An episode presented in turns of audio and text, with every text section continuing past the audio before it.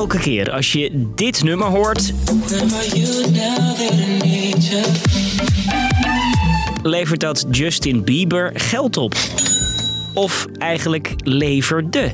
Want Bieber verkocht zijn muziekrechten aan een investeringsmaatschappij. En hij is niet de eerste. Bruce Springsteen, John Legend, Shakira.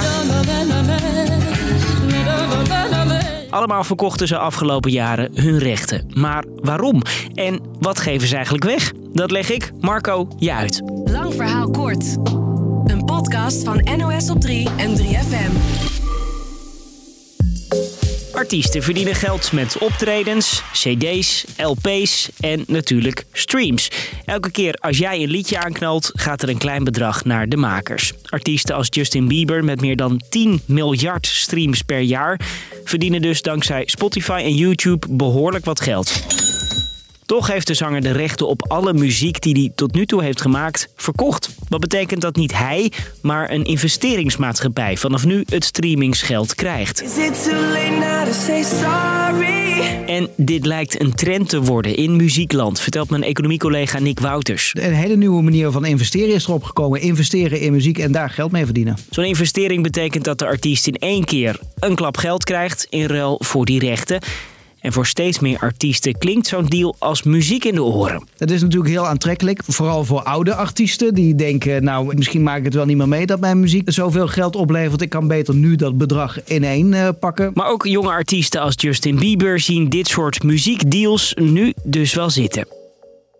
Maar waarom zou je die rechten opgeven? Je hoort de manager van Timbaland. Number one factor, you know, no matter what anybody says, is the is the financial security right now. With companies playing, uh, paying a 20x on their income streams. Investeerders bieden soms wel 20 keer het bedrag wat een artiest normaal in een jaar krijgt voor hun streams. Zo, hup, in één keer op de rekening. Justin Bieber krijgt bijvoorbeeld 200 miljoen dollar voor uh, 290 nummers die hij gemaakt heeft. Dat is uh, wat hij normaal gesproken in zeven jaar zou hebben verdiend.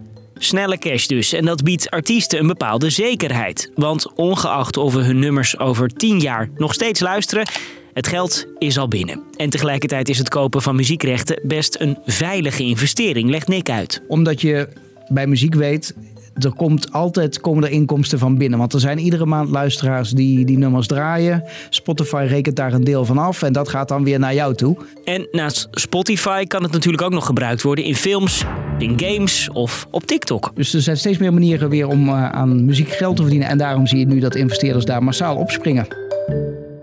Zowel artiesten als investeerders zijn dus blij met deze trend. Al kost het artiesten ook wat. Hun stem.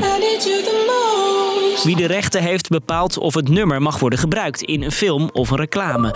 Al betekent dat niet dat investeerders nu alles voor het zeggen hebben. Het is niet uh, zo simpel als uh, een huis, hier heb je de sleutel en uh, doe er maar mee wat je wil. Er zijn heel veel partijen nog bij betrokken. Ook tekstschrijver, componist, platenmaatschappij. En die zitten ook allemaal aan tafel om te beslissen inderdaad wat er met muziek gebeurt. Deskundigen verwachten dat het verkopen van muziekrechten een blijvertje is. Er zijn nog steeds heel veel artiesten die dit doen. Er worden ook nog veel hoge bedragen voor betaald.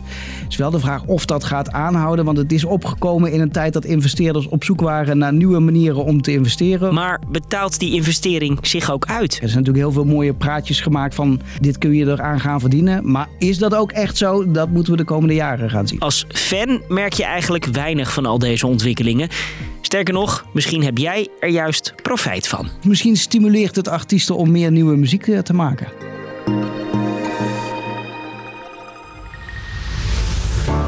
Dus, lang verhaal kort. Steeds meer artiesten verkopen hun muziekrechten aan investeerders. Muzikanten kunnen zo snel veel geld verdienen. En investeerders willen de rechten graag, omdat het een veilige manier is om op de lange termijn te cashen. Want zolang die nummers gedraaid blijven worden, levert het geld op. Op onze podcastrechten zijn nog geen miljoenen geboden. Dus wij zijn er gewoon iedere werkdag rond de klok van 5. Thanks voor het luisteren.